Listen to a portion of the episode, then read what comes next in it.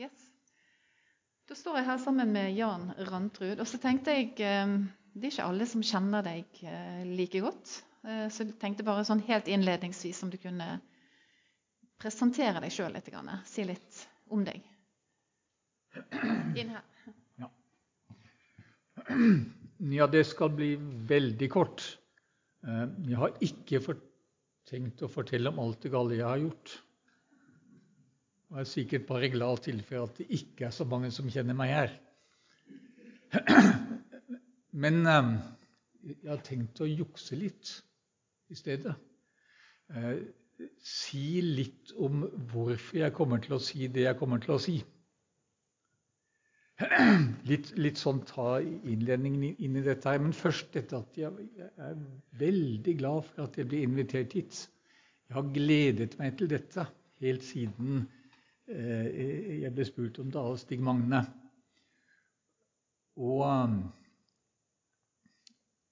jeg må si det er mitt favorittema, ja, dette med skapelsen. Jeg leser skapelsesberetningene om igjen og om igjen, både på norsk og hebraisk og mye annet rart, og blir aldri ferdig.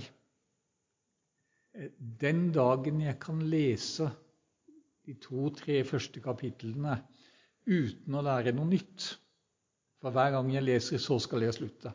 Og det blir ikke i løpet av dette livet. Ehm, jeg skal si litt mer i bakgrunnen. Jeg studerte jo teologi en gang i tiden. Og det faget, eller den delen av, av teologifaget som jeg syntes var mest kjedelig, og overflødig, det var Gamle testamentet. Jeg syns ikke Litt stygt å si det, men jeg syns nesten ikke jeg fikk noen ting. Masse bøker, en bunke som var så høy, som stort sett handlet om hva den ene teologen hadde ment om hva den andre teologen sa om kilder og eh, dokumenthistorie og, og, og at omtrent ingen av bøkene var det de sa de skulle være.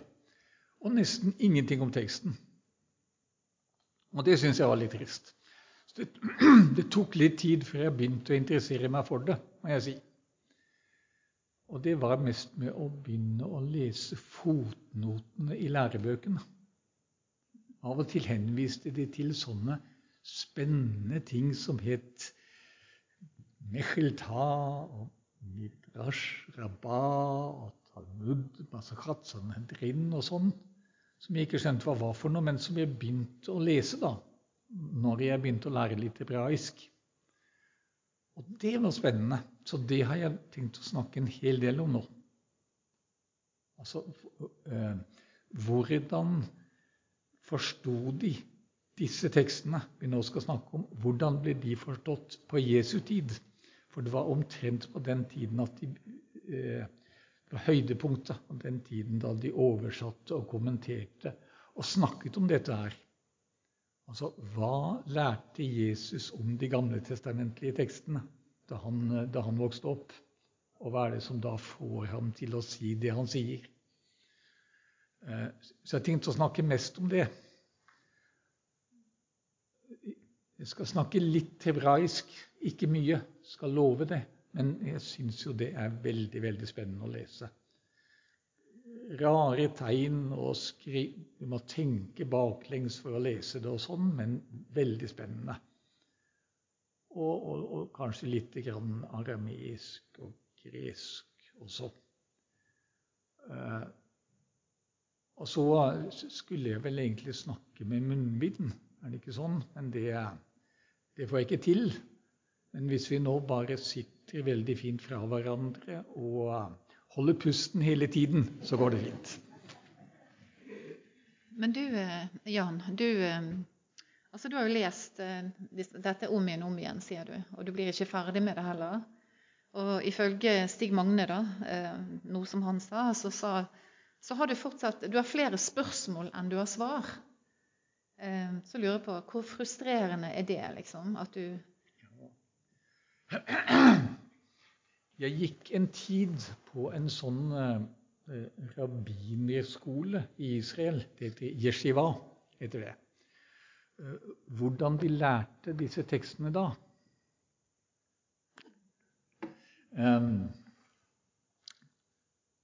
Det de gjorde, var sånn Først så fikk de en tekst de skulle lære. Enten et, et avsnitt eller kapittel fra Bibelen eller en side fra Talmud eller sånn. Og så satt de og pugget et par timer.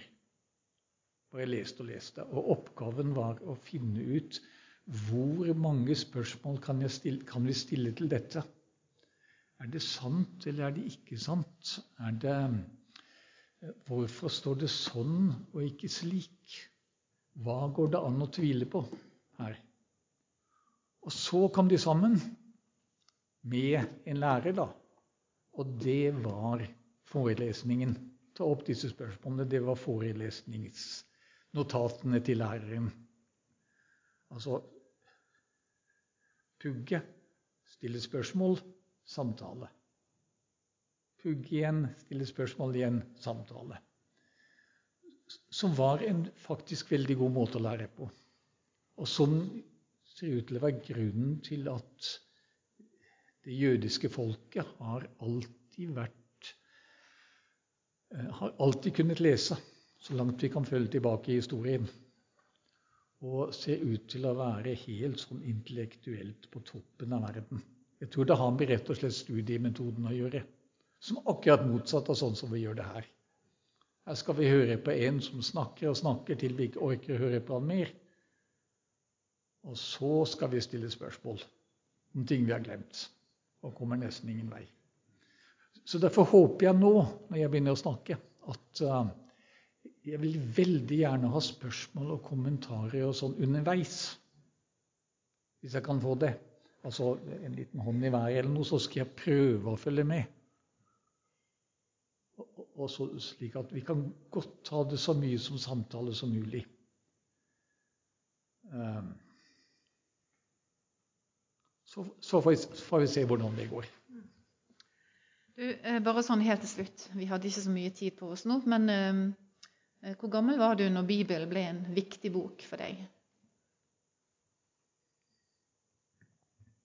Eh, jeg vokste opp i et, gjeng, i et hjem hvor den ikke spilte noen særlig rolle.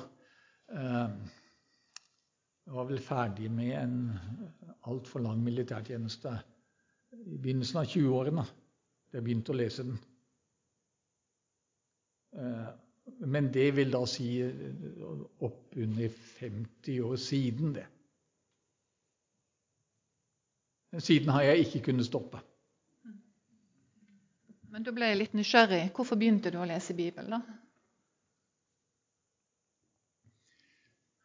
en av de mange tingene jeg ikke kunne.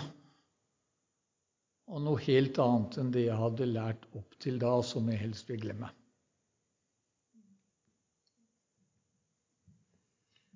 Takk skal du ha. Vi gleder oss til å høre deg.